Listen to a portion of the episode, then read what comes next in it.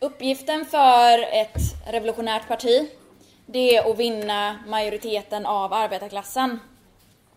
Enbart när man har stödet från majoriteten kan man ta makten. Som Marx och Engels skrev i manifestet, arbetarklassens frigörelse måste vara dess eget verk.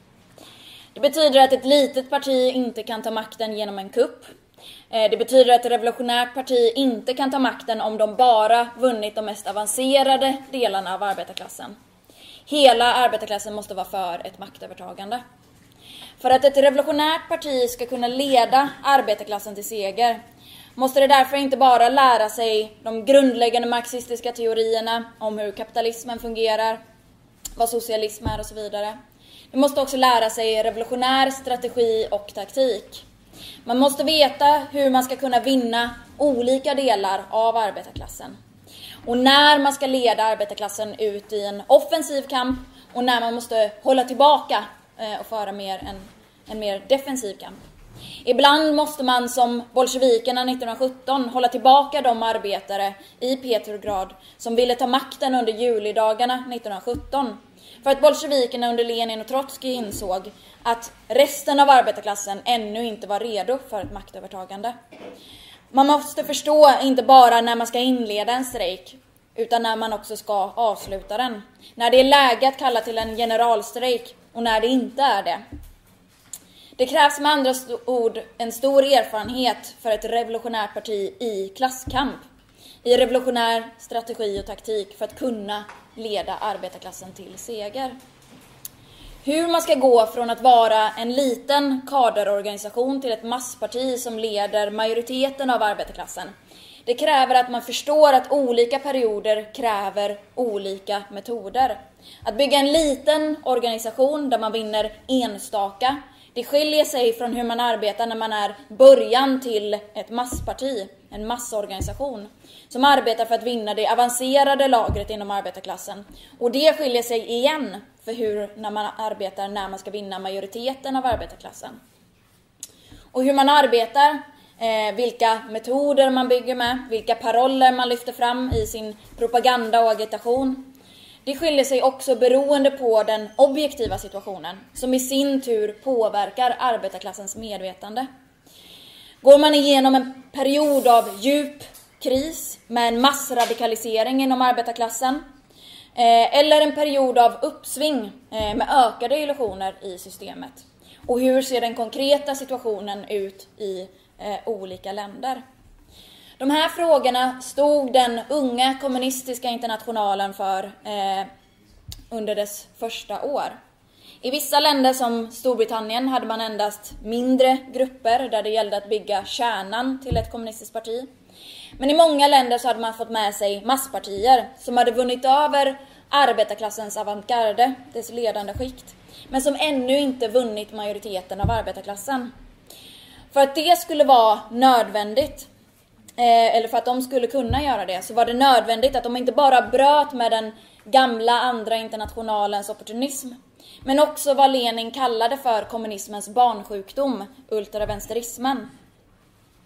Som en reaktion mot den gamla internationalens svek så ville flera eh, av de unga kommunistpartierna, eller delar av dem, bryta med allt som hade eh, med den gamla internationalen att göra allt arbete som, som eh, de bedrev. Parlamentarismen, arbete inom de reformistiska fackföreningarna.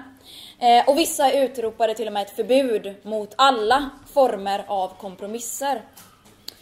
Flera av de här aspekterna av arbetet hade utan tvekan bidragit till den andra internationalens urartning. Genom framgångarna för arbetarrörelsen, inte minst i Tyskland, hade ett skikt av välavlönade fackbyråkrater och parlamentariker höjt sig över medlemmarna, vant sig vid att förhandla med representanterna för borgarklassen.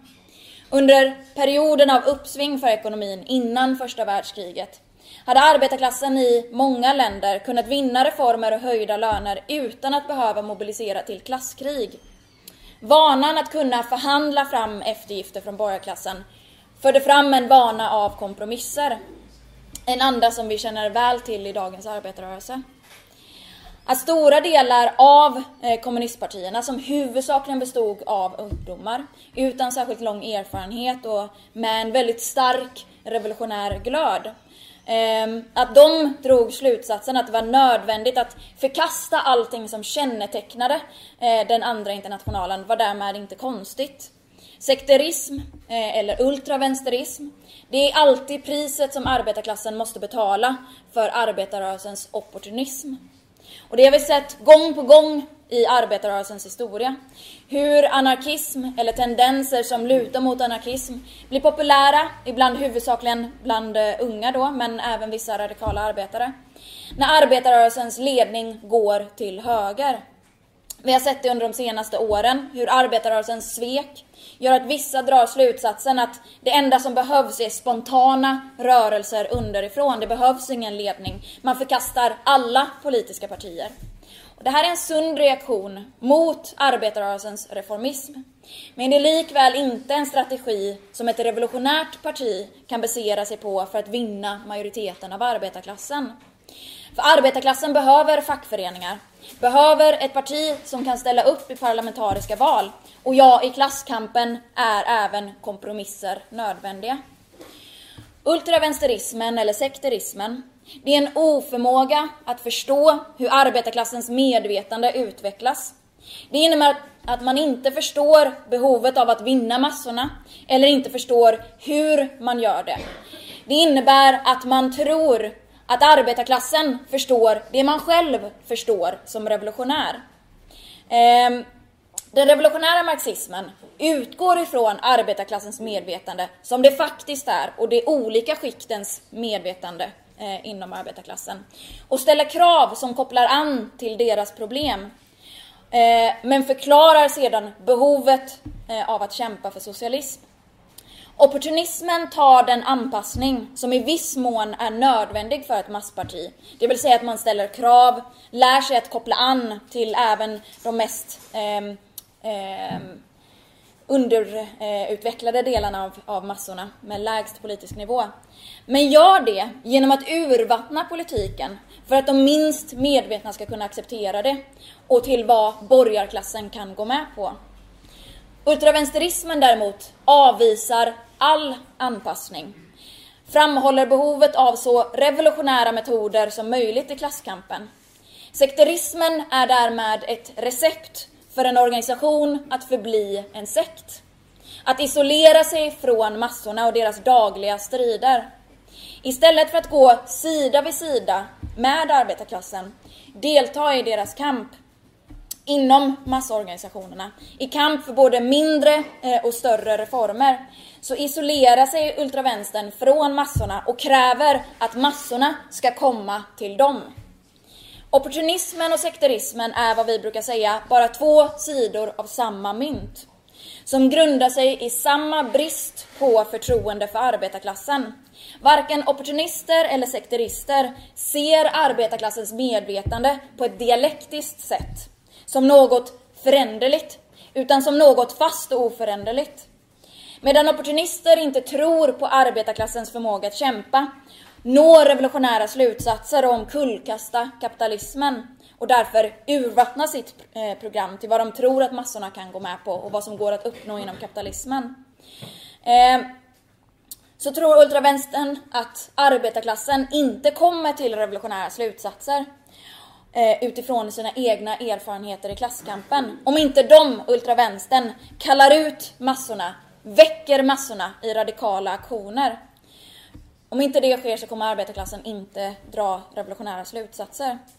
Och de tror att allt arbete som reformister bedriver, parlamentariskt arbete, kamp för reformer, arbete inom reformistiska fackföreningar, inte går att bedriva på något annat sätt än på ett reformistiskt sätt och innebär oundvikligen att varje organisation som försöker sig på detta också kommer urarta till en reformistisk organisation. Men vad historien tvärtom visar det är att sekter alltid tenderar att svänga fram och tillbaka mellan opportunism och sekterism. När de inte lyckas komma någon vart med sekteristiska metoder svänger de ofta över till den värsta opportunismen och urvattnar sitt program för att kunna vinna arbetare och unga till partiet. Och ofta så kombineras Både sekteristiska metoder med en vägran att delta i till exempelvis reformistiska fackföreningar eller arbeta inom något av de stora arbetarpartierna, med en reformistisk inomkapitalistisk politik. Redan från början så fick Lenin och Trotskij kämpa både mot den opportunism som fanns hos vissa sektioner i den kommunistiska internationalen, huvudsakligen den franska och de nordiska, men också mot ultravänsterismen. Den viktigaste striden var att vinna eh, det tyska kommunistiska partiet, det viktigaste partiet utanför Sovjetryssland. Kärnan till det tyska kommunistpartiet, spartakisterna lett av Rosa Luxemburg och Karl Liebknecht, dominerades av unga kommunister som när Kaisen föll 1918 och en konstituerande församling bildades, så ansåg de att man skulle agitera för att upplösa den med vapen i hand. Och när det tyska kommunistpartiet bildades i december 1918 så röstade de på sin första kongress mot att delta i valet till den konstituerande församlingen, mot Rosa Luxemburg och Karl Liebknechts inrådan. Detta trots att massorna, som precis lyckats fälla monarkin, hade illusioner i den konstituerande församlingen. En majoritet inom kommunistpartiet ville också bojkotta arbetet inom de socialdemokratiskt eh, kontrollerade fackföreningarna och förde fram att man måste på det mest bestämda sättet bekämpa fackföreningarna. Det här under en period när massorna strömmade in i fackföreningarna. Där de i slutet av 1918 hade 2,2 miljoner medlemmar, men i slutet av 1919 hade växt till 7,3 miljoner medlemmar. Under kappkuppen eh, 1920, då extremhögerofficerare försökte störta den socialdemokratiska regeringen och facken, eh, det oavhängiga eh, socialdemokratiska partiet, alltså det, den centristiska strömningen som hade brutit sig ur socialdemokratin och SPD, det socialdemokratiska partiet, utlyste en generalstrejk mot den här kuppen. Så ville kommunistpartiet först inte delta, för att man ansåg att det var en kamp mellan två olika delar av kontrarevolutionen. De tvingades dock snabbt svänga om och delta i generalstrejken. Den här ultravänsterismen gjorde det svårare för det tyska kommunistpartiet att vinna över de oavhängiga. Eh, lett av bland annat Karl Kautsky då.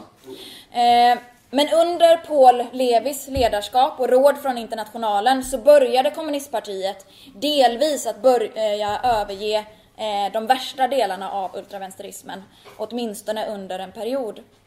Paul Levi hade stått Rosa Luxemburg nära eh, och utsatte partiet för en extremt hård kritik och tvingade igenom en omröstning på partiets andra kongress eh, som antog resolutioner för att arbeta inom facken och parlamenten. Eh, men hans metoder fick konsekvenser. Han ställde ett ultimatum till ultravänstern, att om de inte höll med så skulle de lämna. Ultravänstern lämnade då och tog med sig halva partiets medlemmar och bildade KAPD. I december 1920 så gick majoriteten inom USPD samman med det tyska kommunistiska partiet som då blev ett verkligt massparti. Men problemen med ultravänsterismen fortsatte att existera som visades i marsoffensiven 1921. Eh, och det här var mycket på grund av ett bristande ledarskap. Paul Levi, eh, Clara Zetkin och flera andra ledande, mer erfarna kommunister, de avgick från det tyska partiets centralkommitté i protest mot ett beslut i Komintern gällande den italienska sektionen. Där efter att det italienska socialistpartiet vägrat att utesluta sina reformistiska ledare och byta namn till kommunistpartiet, så hamnade Komintern med en minoritet av partiet, eh, ultravänstern ledd av Bordiga. Paul Levi och Setkin hade velat ägna mer tid åt att övertyga större delar av det italienska partiet och avgick i protest mot det här från eh, sitt eget partis ledning, vilket gjorde eh, Lenin fullkomligt rasande. Eh, för de nya ledarna som tog över eh, för det tyska kommunistpartiet var unga, oerfarna och ultravänster. Eh, och de influerades av utsända representanter från Komintern till Tyskland som hade sänts dit av Zinovjev som också var smått influerad av ultravänsterism under den här perioden. Bella Kun från eh, Ungern som varit delvis ansvarig för misstagen, för nederlaget i Ungern, ville bevisa att han var revolutionär eh, och inte opportunist genom att svänga åt det andra hållet. Eh, De utvecklade en teori, offensivteorin, där partiet skulle kalla ut massorna i en slutgiltig strid. De kunde se att det fanns en passivitet inom arbetarklassen efter nederlaget i revolutionen 1918. Och de tänkte sig att vad som krävdes var offensiva aktioner för att väcka massorna. Enligt Polevi hade Belakun sagt till honom att idag har kommunistpartiet 500 000 medlemmar. Och med det kan man mobilisera 1,5 miljoner proletärer för att fälla regeringen. Han var för att omedelbart gå ut i kamp med parollen Fäll regeringen det vill säga den socialdemokratiska regeringen, som massorna eh, fortfarande hade illusioner i, som majoriteten av arbetarklassen följde. Som alla ultravänsterister så ville de tyska kommunisterna inte inse att den period som de hade gått in i, efter att revolutionen 1918 hade besegrats, krävde en ny taktik. Att massorna hade gått in i en period av försiktighet som krävde mer tålmodigt arbete från kommunisterna för att vinna massorna. Istället så letade partiet efter en ursäkt på eh, att få gå på den slutgiltiga offensiven. Medan det var ebb i klasskampen i största delen av Tyskland så hade kolgruvarbetarna i centrala Tyskland, som var bland de mer bakåtsträvande delarna av arbetarklassen, gått in i en period av mer intensiv klasskamp med strejker och massmöten på fabrikerna, som de tyska kommunisterna intervenerade i. Och då det rådde passivitet i resten av landet så såg den tyska borgarklassen det här som ett ypperligt tillfälle att slå ner inte bara på kolgruvarbetarna utan även det tyska kommunistpartiet genom att provocera dem till ett förtida uppror. Och det tyska kommunistpartiet gjorde exakt som eh, den tyska borgarklassen ville. När säkerhetspolisen gick in i kolfälten så utropade kommunistpartiet att det här var signalen för den slutgiltiga offensiven, kallade till en obegränsad generalstrejk över hela Tyskland och uppmanade arbetarna att beväpna sig. Men det var mest i centrala Tyskland som arbetarna svarade. De gjorde ingenting för att förbereda den här generalstrejken utan förväntade sig bara att massorna skulle svara direkt på en uppmaning från partiet. När det här inte skedde så gick de ännu längre. Som att organisera kidnappningar av kommunister och placerade en bomb i ett arbetarkooperativ som de sen skyllde på polisen för att väcka arbetarnas ilska. Eh, det här ledde till en katastrof. Eh, hundratals mördades, tusentals fängslades och partiet tappade hälften av sina medlemmar, över 200 000. Vad de borde gjort i den här situationen var att kalla till en defensiv kamp, begränsade stödstrejker, sympatidemonstrationer i olika delar av landet, hållit möten och uppmanat SPD att stötta dem när staten attackerar dem. Offensiven ledde istället till att staten kunde slå ner hårt på partiet. Trotsky förklarade senare, i relation till marsoffensiven, till de kamrater som ansåg att det enda som kunde rädda situationen var ytterligare en offensiv. Han sa under marsdagarna, och jag säger detta helt öppet och ärligt, så hade vi inte ens en femtedel eller sjättedel av arbetarklassen bakom oss och vi led ett nederlag i rent praktisk betydelse. Det vill säga, vi tog inte makten och vi paralyserade inte heller kontrarevolutionen. Efter ett nederlag följer alltid en viss depression, som såklart inte varar för alltid, men som varar ett tag. Under sådana förhållanden, om vi skulle göra en ny offensiv, så skulle vi lida ett ännu större och farligare nederlag. Nej kamrater, efter sådana nederlag måste vi retirera. Vi måste säga till arbetarklassen, ja kamrater, på basis av dessa fakta har vi blivit övertygade att i denna kamp hade vi enbart en sjättedel av arbetarklassen bakom sig. Men vi måste vara åtminstone fyra sjättedelar eller två tredjedelar för att allvarligt kunna fundera på frågan om seger.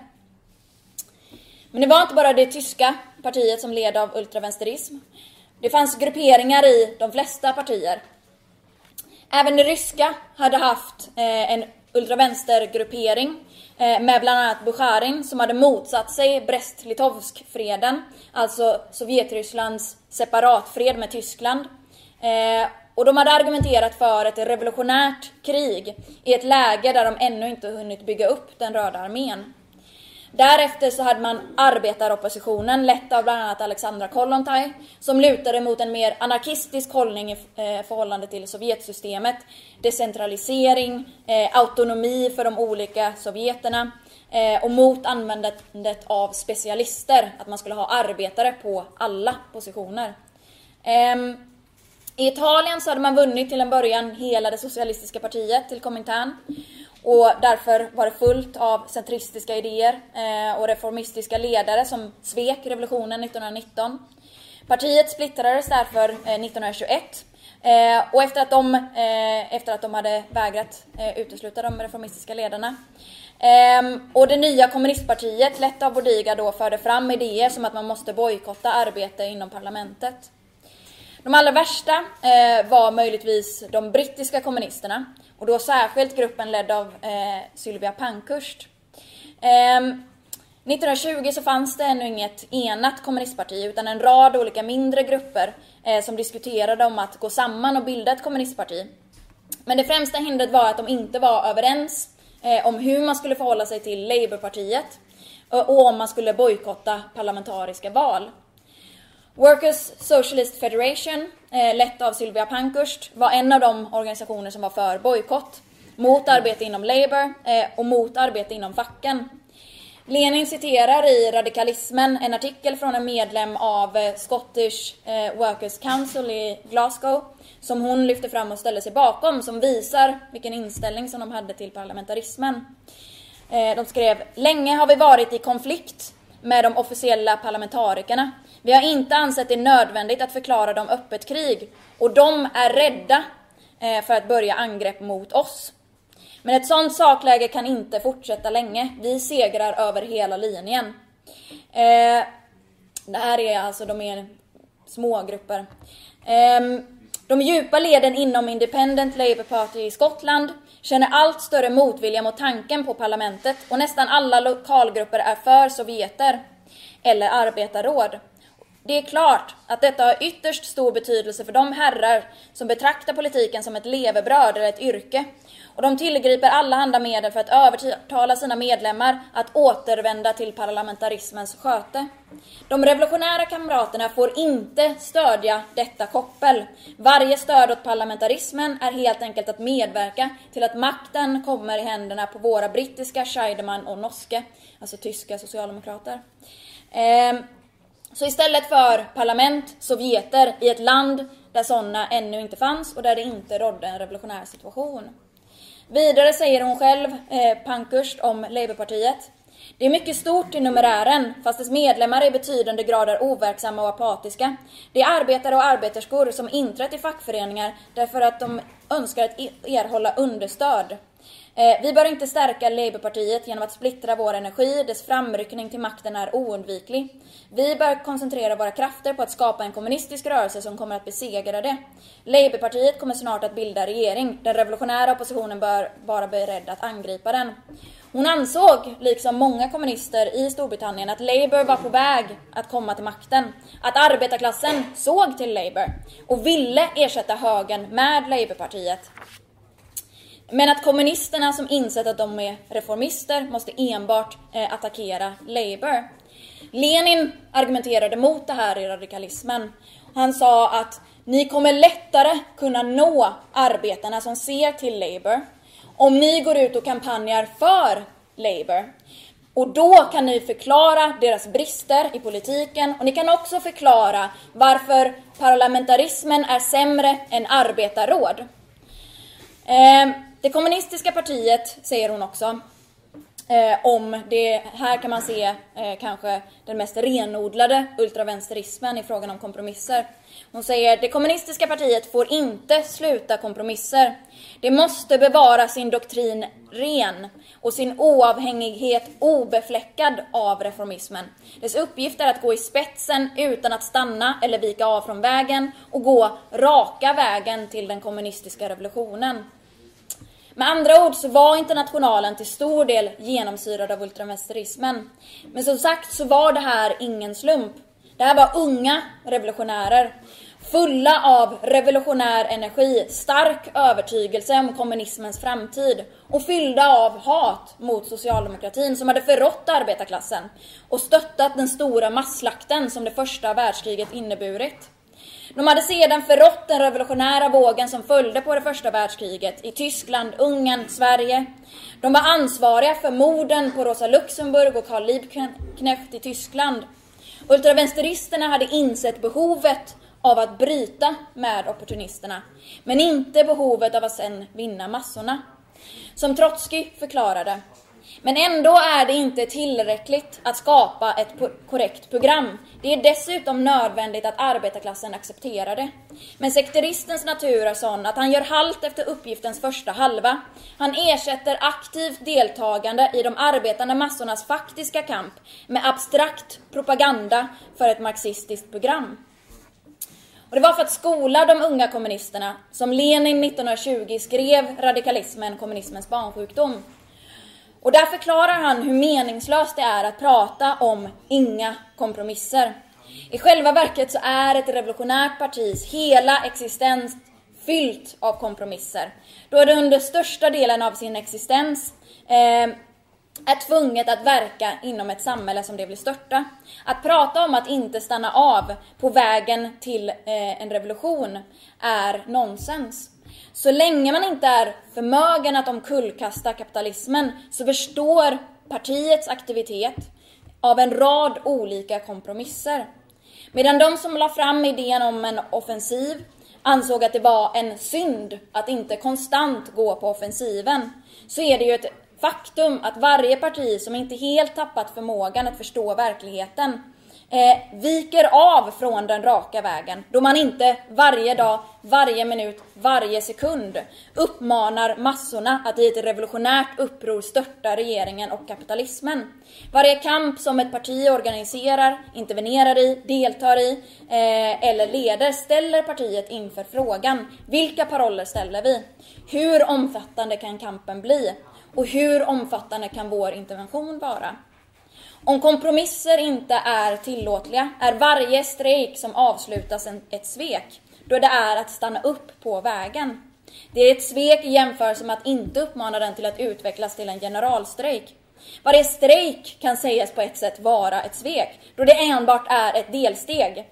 När man borde ställa frågan om ett omedelbart uppror. Varje reform är ett svek, då det gäller att ställa frågan om ett omedelbart uppror. Men så länge ett parti inte har majoriteten av arbetarklassen bakom sig och så länge inte majoriteten är redo för ett maktövertagande så kan man inte ställa frågan om ett omedelbart uppror eh, på dagordningen. Ett revolutionärt parti måste anpassa sig till vad arbetarklassen kan kämpa för och hur stor del av arbetarklassen man kan nå med sin agitation och propaganda utan att för den sakens skull sluta prata om behovet av en socialistisk revolution. En kommunist som inte inser det är inte en kommunist utan eh, en utopist. I radikalismen så använder Lenin ett exempel ehm, med en person som blir rånad av banditer och frågar sig är det en otillåtlig kompromiss att rädda sitt liv och ge banditerna pengar? Han svarar, det är skillnad på kompromisser och kompromisser. Man måste förstå att analysera situationen och de konkreta villkoren för varje kompromiss och varje art av kompromisser. Man måste lära sig att skilja på en person som gett banditerna pengar och vapen för att minska det onda eh, banditerna förorsakar och underlätta deras gripande och arkebusering. Från den person som givit banditerna pengar och vapen för att vara med och dela på bytet. Det vill säga, det är skillnad på revolutionärer som leder en strejk och avslutar den för att arbetare inte orkar ta kampen vidare. Och byråkratiska fackledare som avslutar en strejk trots att arbetarna vill fortsätta kämpa för att de inte vill att borgarklassen ska förlora för mycket i vinst. Lenin förklarar vidare hur bolsjevikerna aldrig kunnat komma till makten utan att de utnyttjat alla olika arbetsfält för att kunna nå ut till massorna.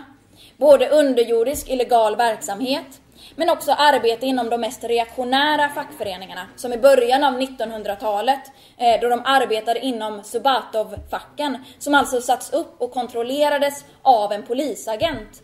Och genom att arbeta inom dem lyckades de nå ut till arbetare med sin eh, revolutionära propaganda. Han förklarade hur de arbetade inom ett långt mycket mer reaktionärt parlament än de som vänsterkommunisterna vägrade arbeta inom, nämligen tsarens duma, som i verkligheten inte var ett parlament alls. Men genom att ställa upp i val så kunde de nå ut till miljoner arbetare och bönder. Och med sina kandidater så blev de oerhört populära bland massorna. Han förklarar hur de inte vägrade att 1917 arbeta inom Sovjeterna bara för att de kontrollerades av mensjeviker och socialistrevolutionärer.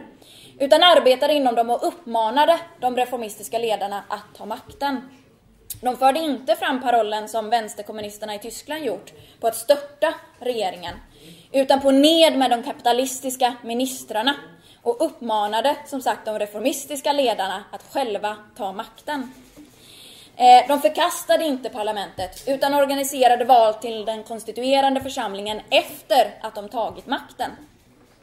Poängen med val, att ställa upp i val, är inte som reformister att få ta del av makten under kapitalismen. Det är inte vad man kan få igenom inom kapitalismens ramar, utan det är att utnyttja det som en plattform för att nå ut med sin politik till massorna.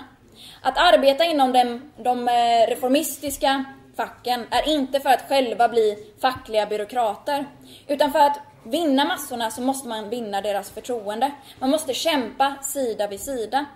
Om massorna ska övertygas om att ett revolutionärt parti kan leda dem till seger så måste de först bevisa sig i praktiken genom att visa sig vara de mest hårdföra kämparna i arbetarklassens dagliga kamp. Man måste visa att man förmår att leda kamp, både kunna gå på offensiven och defensiven. Ett ledarskap som hela tiden vill gå på offensiven kommer arbetare skriva av som dårar. Lenin förklarar att inte arbeta inom de reaktionära fackföreningarna, det innebär att lämna de otillräckligt utvecklade eller efterblivna arbetarmassorna under inflytande av de reaktionära ledarna, bourgeoisiens agenter, arbetararistokraterna eller förborgerligade arbetare. Vill man hjälpa massan och vinna massans sympati, bifall och stöd får man inte frukta svårigheter, inte frukta kverulantiska anmärkningar, hugg i ryggen, förnärmelser och förföljelser från ledarna. Utan man måste ovillkorligen arbeta där massan finns. I förhållande till parlamentarismen förklarar Lenin att så länge som arbetarklassen inte kan ersätta de borgerliga parlamenten med sin eh, egen arbetarmakt, med sovjeter, arbetarråd och ta makten, är ett revolutionärt massparti skyldigt att arbeta inom parlamenten. Det finns såklart undantag eh, då det är korrekt eh, i specifika omständigheter att föra fram idén om en bojkott i särskilt riggade val och så vidare, men som en allmän linje. För det enda resultatet av att inte eh, göra det, att inte ställa upp i val som ett massparti då, det är att isolera sig själv från möjligheten att influera massorna. Så länge som massorna har illusioner i den borgerliga parlamentarismen måste man verka inom den. Men inte för att som reformisterna inge illusioner i den och kohandla med representanter för borgarklassen, utan för att avslöja parlamentarismen och förbereda för dess störtande. Lenin förklarar det är tydligt att vänstern i Tyskland har tagit sin önskan och sin egen ideologiskt politiska ställning för att vara objektiv verklighet. Det är det farligaste fel som revolutionärer kan göra. För kommunisterna i Tyskland är parlamentarismen naturligtvis politiskt förlegad. Men det gäller just att inte in anse det för oss förlegade som förlegat för klassen, som förlegat för massorna. Till de som ansåg att man kunde rädda partiet från en reformistisk urartning bara genom att bojkotta parlamenten så förklarar han så länge inte bourgeoisien har störtats och därefter så länge småhushållningen och varuproduktionen i liten skala ej helt försvunnit så kommer den borgerliga miljön, egendomsvanorna, de kälkborgerliga traditionerna att fördärva det proletära arbetet både utifrån och inifrån arbetarrörelsen. Inte endast på ett verksamhetsområde, det parlamentariska, utan oundvikligen på alla möjliga eh, områden av samhällelig verksamhet. På alla kulturella och politiska områden utan undantag. Och det är det största misstag om man längre fram måste oundvikligen betala eh, som man längre eh, fram måste oundvikligen betala. Att försöka vifta bort eller avskärma sig från en av de obehagliga uppgifterna eller svårigheterna på något enda arbetsområde. Man måste lära sig och grundligt lära sig att behärska alla arbets och verksamhetsområden utan undantag, övervinna alla svårigheter och alla borgerliga vanor, traditioner och sedvänjor överallt och på alla håll. Något annat sätt att ställa frågan kan helt enkelt inte tas på allvar, det vore helt enkelt en barnslighet. Eh, ultravänsterismen var utbredd som sagt, inom den kommunistiska internationalen. Och det kunde inte lösas genom enskilda diskussioner med olika partier. Det behövdes en världskongress för att bena ut de här frågorna. Och det var på den tredje världskongressen som ultravänsterismen till stor del besegrades. Den hölls mellan den 22 juni till den 12 juli 1921 och det var ett stort antal på plats som försvarade eh, ultravänstermetoder. Dels inom sektioner som den italienska och den tyska som försökte försvara marsaktionen. Men också sympatiserande eh, eh, sektioner som det tyska KAPD eh, som hade gjorts till en sympatiserande sektion efter att Paul Levi hade ställt dem inför ett ultimatum som Lenin inte höll med om som metod.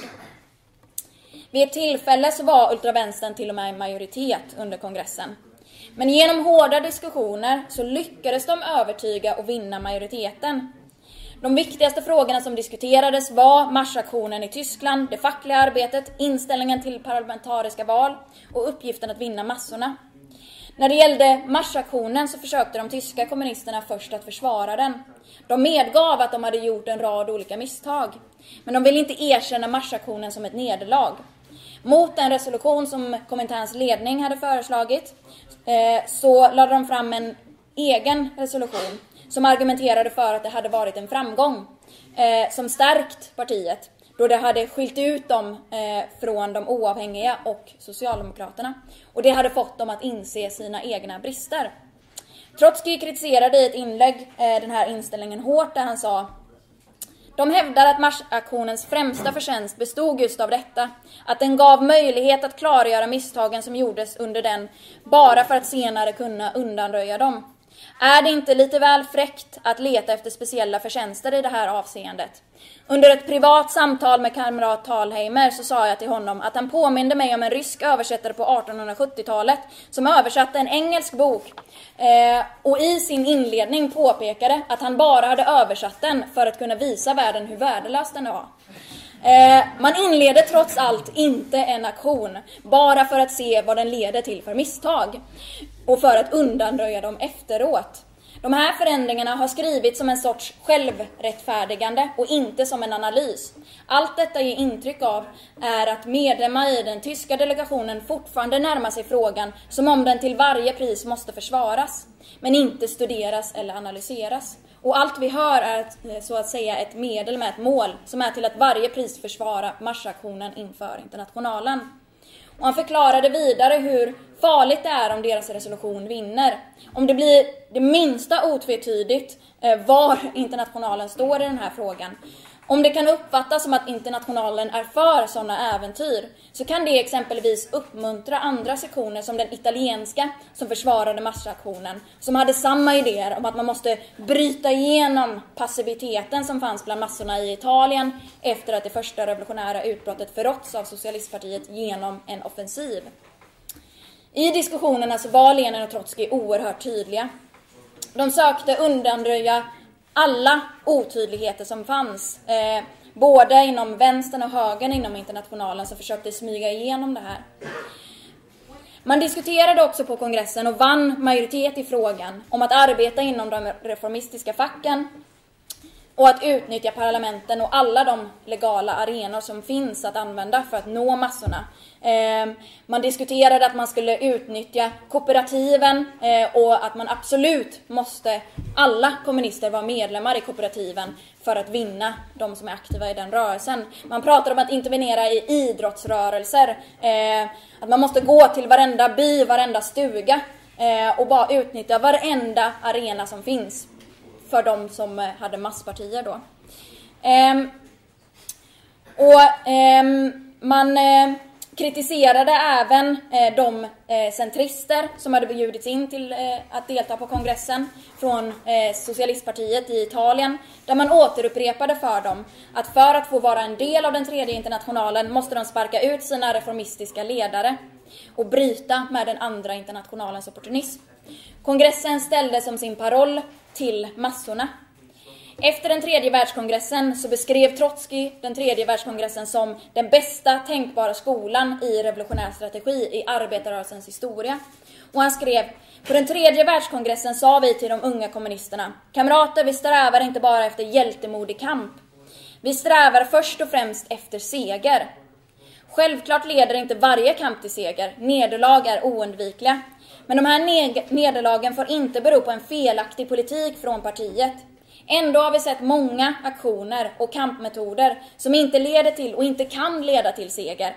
För de baseras gång på gång på revolutionär otålighet och inte på politisk klokhet.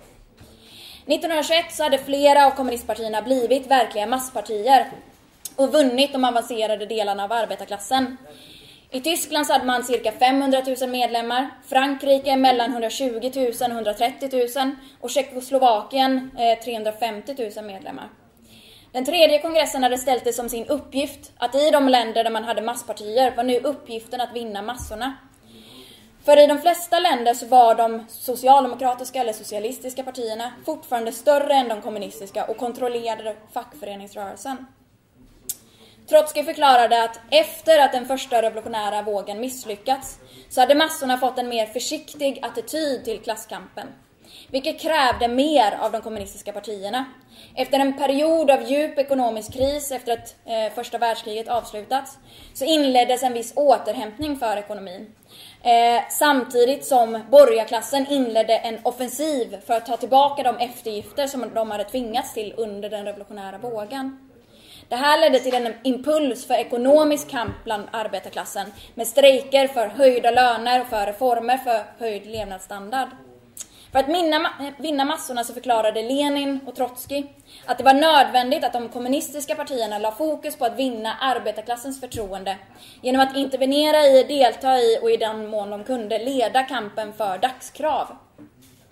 Uppgiften var att vinna över massorna som fortfarande följde den gamla andra internationalens partier, eh, de som följde eh, de centristiska eh, partierna och de partilösa massorna.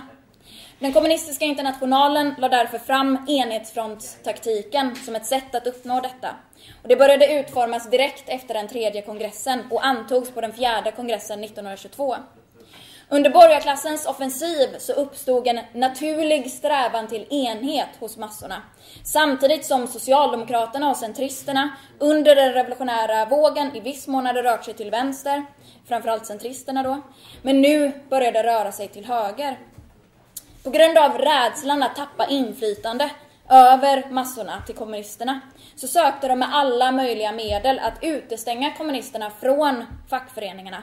Och i de länder där kommunisterna vunnit en majoritet av facken, eller en stor del, så sökte de istället splittra fackföreningsrörelsen i två delar.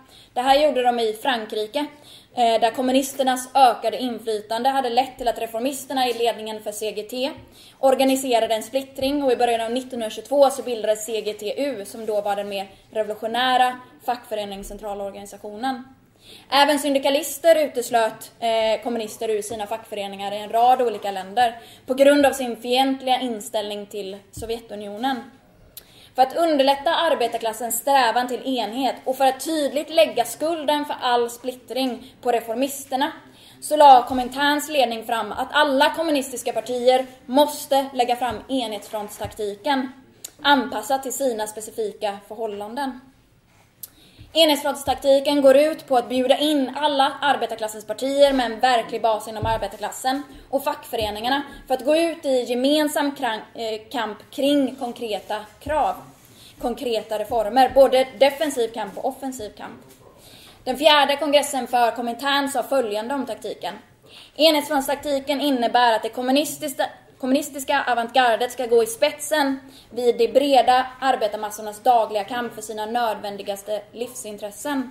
I den här kampen eh, är kommunisterna till och med redo att underhandla med Socialdemokraternas och Amsterdam-internationalens förrädiska ledare. Amsterdaminternationalen eh, var en fackföreningsinternational knuten till Socialdemokraterna. Eh, enhetsfrontstaktiken är kommunisternas erbjudande av gemensam kamp med alla arbetare som tillhör andra partier eller grupper och med alla partilösa arbetare i och för försvarandet av arbetarklassens mest elementära livsintressen. gentemot bourgeoisien. Varje kamp för minsta dagsaktuella krav utgör en källa till revolutionär upplysning och skolning. Ty kampens erfarenheter kommer övertyga arbetarna om revolutionens oundviklighet och kommunismens betydelse. En särskilt viktig uppgift vid genomförandet av enhetsfronten är uppnåendet inte bara av agitatoriska utan även organisatoriska eh, resultat.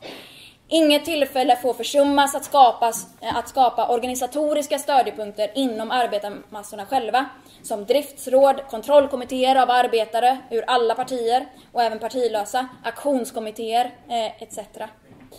Enhetsfronttaktiken innebär alltså inte bara att man bjuder in socialdemokratiska arbetare att delta i kampen, utan att man även sträcker ut handen till ledarna Vissa kommunister hävdade att man skulle kunna genomföra enhetsfronten underifrån utan att bjuda in ledarna. Trotskij förklarade, sträcker sig enhetsfronten endast till arbetarmassorna eller inkluderar den också de opportunistiska ledarna? Själva frågeställningen är en frukt av en missuppfattning. Om vi enkelt kunde ena arbetarmassorna kring vår egen fana eller kring våra praktiska dagsparoller och hoppa över de reformistiska organisationerna, vare sig det gäller parti eller fackföreningar, skulle detta naturligtvis vara den bästa sak i världen. Men då skulle själva frågan om enhetsfronten inte existera i sin nuvarande form. Frågan reser sig ur det, eh, ur det att eh, vissa mycket viktiga delar av arbetarklassen tillhör reformistiska organisationer eller stöder dem. Deras nuvarande erfarenhet är ännu otillräcklig för att sätta dem i stånd att bryta med de reformistiska organisationerna och komma till oss. Samtidigt betonade man vikten av att inte upplösa kommunistpartiet in i enhetsfronten, utan att behålla sin egen organisation, sin egen partifana ren eh, och ut och alltid göra sin kritik av de andra organisationerna tydlig. Poängen med enhetsfronten var inte, och är inte, att vinna över ledarna för de reformistiska organisationerna. Utan tvärtom avslöja dem i praktiken inför massorna. Att enbart avslöja dem i propagandan var inte tillräckligt för att massorna skulle överge dem, utan massorna måste själva, genom sin egen erfarenhet, se och lära sig att de reformistiska ledarna inte vill kämpa ens för massornas dagskrav, att de inte söker enhet inom arbetarklassen och arbetarrörelsen, utan enhet med borgarklassen. Genom att erbjuda en enhetsfront så avslöjas reformisterna både om de går med på att delta i kampen och om de vägrar. Om de vägrar så visar de att de inte vill ha enhet i kampen och om de deltar så kommer de avslöja sig under kampens gång genom att vilja begränsa kampen, sluta kompromisser bakom ryggen på massorna. Genom att på alla möjliga sätt göra den ofarlig för borgarklassen. Medan kommunisterna i båda fallen visar att de vill ha enhet i kampen och visar att de är de mest dugliga, mest hårdföra i kampen för reformer. Och som ett svar, kan man säga, eh, omedvetet svar på stalinisternas framtida metoder för att bekämpa fascism, eller så kallade metoder, eh, så eh, förklarar den kommunistiska internationalens fjärde kongress ehm, att en av de kommunistiska partiernas uppgifter är att organisera motståndet mot den internationella fascismen gå före hela arbetarklassen i striden mot fascistbanden och även på det här området energiskt använda enhetsfrontstaktiken, där illegala organisationer är absolut nödvändiga. Även själva internationalen som helhet tillämpade taktiken, då exekutivkommittén för internationalen la fram förslag eh, för den andra internationalen, centristernas international, fackföreningsinternationalen, kring stöd till de svältande i Ryssland, stödkampanjer till arbetare i Jugoslavien och Spanien, samt gemensam kamp mot förberedelser för ett nytt imperialistiskt krig. Självklart innebär enhetsfronten vissa faror. Att kommunistpartier skulle gå för långt, skulle gå med på dåliga kompromisser, vattna ur sin politik eller kritik av reformisterna. Och det här använde vissa inom internationalen som en ursäkt till varför de var motståndare till taktiken till en början.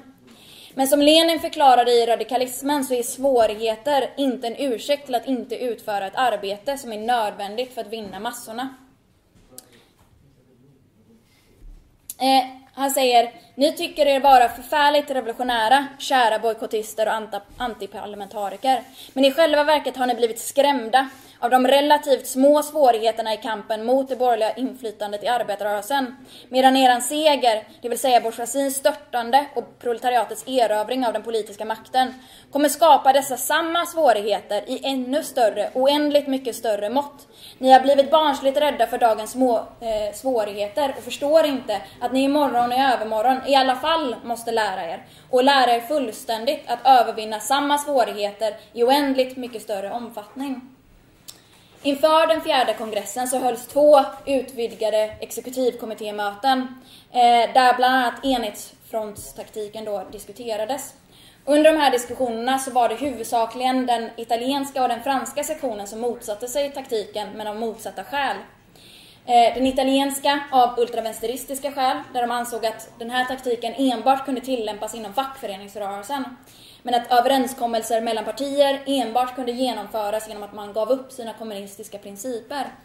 Fransmännen däremot eh, försökte hävda att eftersom de redan vunnit en majoritet av arbetarklassen, eh, deras parti var större än eh, socialistpartiet, så behövde de ingen enhetsfront. Och att inom facken så kunde de inte föra fram idén om en enhetsfront, det vill säga att CGTU skulle erbjuda en enhetsfront med eh, CGT. Då de precis hade splittrats och arbetarna inom CGTU skulle då inte acceptera det. Trotskij svarade dem att eh, även om kommunistpartiet var större än socialistpartiet i medlemsantal så innebar inte det alls att det franska kommunistpartiet vunnit en majoritet av arbetarklassen. Den stora majoriteten tillhörde inget parti och för de partilösa massorna med lågt klassmedvetande skulle det vara en enklare uppgift för socialistpartiet att nå framgångar än kommunistpartiet. På grund av att deras urvattnade politik var lättare för de här arbetarna att ta till sig. Vilket också visats i val, där i vissa delar av Frankrike så fick socialistpartiet fler röster än kommunistpartiet.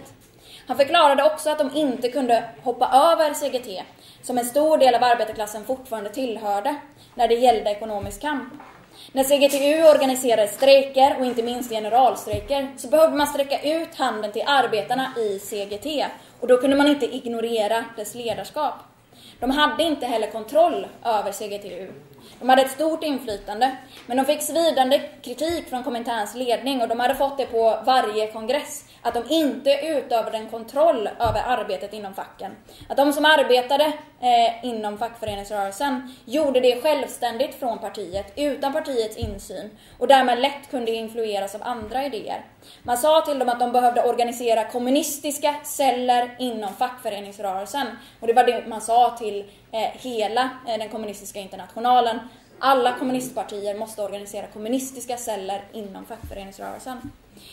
Och arbetet inom fackföreningsrörelsen måste stå under partiets kontroll för att partiet skulle utöva inflytande över facken istället för tvärtom. Eh, trots motstånd så vann man också i frågan om enhetsfront över, sektionen, eh, över sektionerna i internationalen. Och enhetsfronten började att tillämpas i land efter land med stora framgångar, inte minst i Tyskland. Ett exempel på det eh, är 1922 när den socialdemokratiska utrikesministern Walter Rathenau mördades av högerextrema. Tillsammans med SPD så organiserade man eh, demonstrationer över hela landet och kunde på så sätt öka förtroendet bland SPD-arbetet. Taktiken blev så lyckad att eh, SPD kände sig tvungna att avbryta eh, samarbetet bara eh, några dagar senare. Men som vi vet eh, så omkullkastades all den teori och taktik som utarbetats av den kommunistiska internationalen under Lenin. Från en levande international med öppna och hårda diskussioner förvandlades den till en monolitisk international under Stalin. Enhetsfronten ersattes med den tredje periodens taktik med den värsta formen sekterism, där Socialdemokraterna förklarades vara socialfascister och den huvudsakliga fienden för kommunisterna. Därefter svängde de om till Folkfronten, som istället för en enhetsfront mellan arbetarrörelsens organisationer satte enhet mellan arbetarrörelsen och borgarklassen, mellan de så kallade progressiva borgarna, liberalerna, för att bekämpa fascismen. Där till skillnad från enhetsfronten där Komintern alltid framhöll behovet av att upprätthålla sin självständighet och kritisera reformisterna, så ingick det i folkfrontspolitiken att all kritik mellan de som ingick i fronten förbjöds. Och de avslutande orden ger jag till Trotskij. I det den kommunistiska internationalen för en obarmhärtig strid mot reformismen inom fackföreningarna, mot kretinismen och streberväsendet inom parlamenten, fördömer den kommunistiska internationalen å andra sidan den sekteristiska fanatismen hos dem som uppmanar till att lämna de många miljoner arbetare omfattande fackförbundens led och vända ryggen åt parlamentariska och kommunala institutioner. Kommunisterna skiljer sig inte, eh, på intet sätt från de massor som bedragas, förrådas eh, Ehm, och förrådas av reformisterna och patrioterna. Men de för en oförsonlig kamp mot dem inom massorganisationerna och inom de institutioner som har skapats av det borgerliga samhället. För att därigenom störta det desto snabbare och säkrare. I allt sitt arbete såsom ledare av revolutionära uppror, såsom organisatör av hemligt arbetande grupper, såsom fackföreningssekreterare, såsom agitator på massmöten eller såsom deputerad, som föreningsman eller som barrikadkämpe, förblir kommunisten sann mot sig själv. Den disciplinerade medlemmen av samhället med dess ekonomiska grundvalar, dess statliga form, dess demokratiska ställning, dess religion och dess moral. Han är den offervilligaste soldaten i den proletära revolutionen revolutionen och den nya ordningens rastlösa apostel. Arbetare och arbeterskor. På jorden finns det endast ett tecken som är värt att kämpa och dö under. Detta tecken är den kommunistiska internationalen.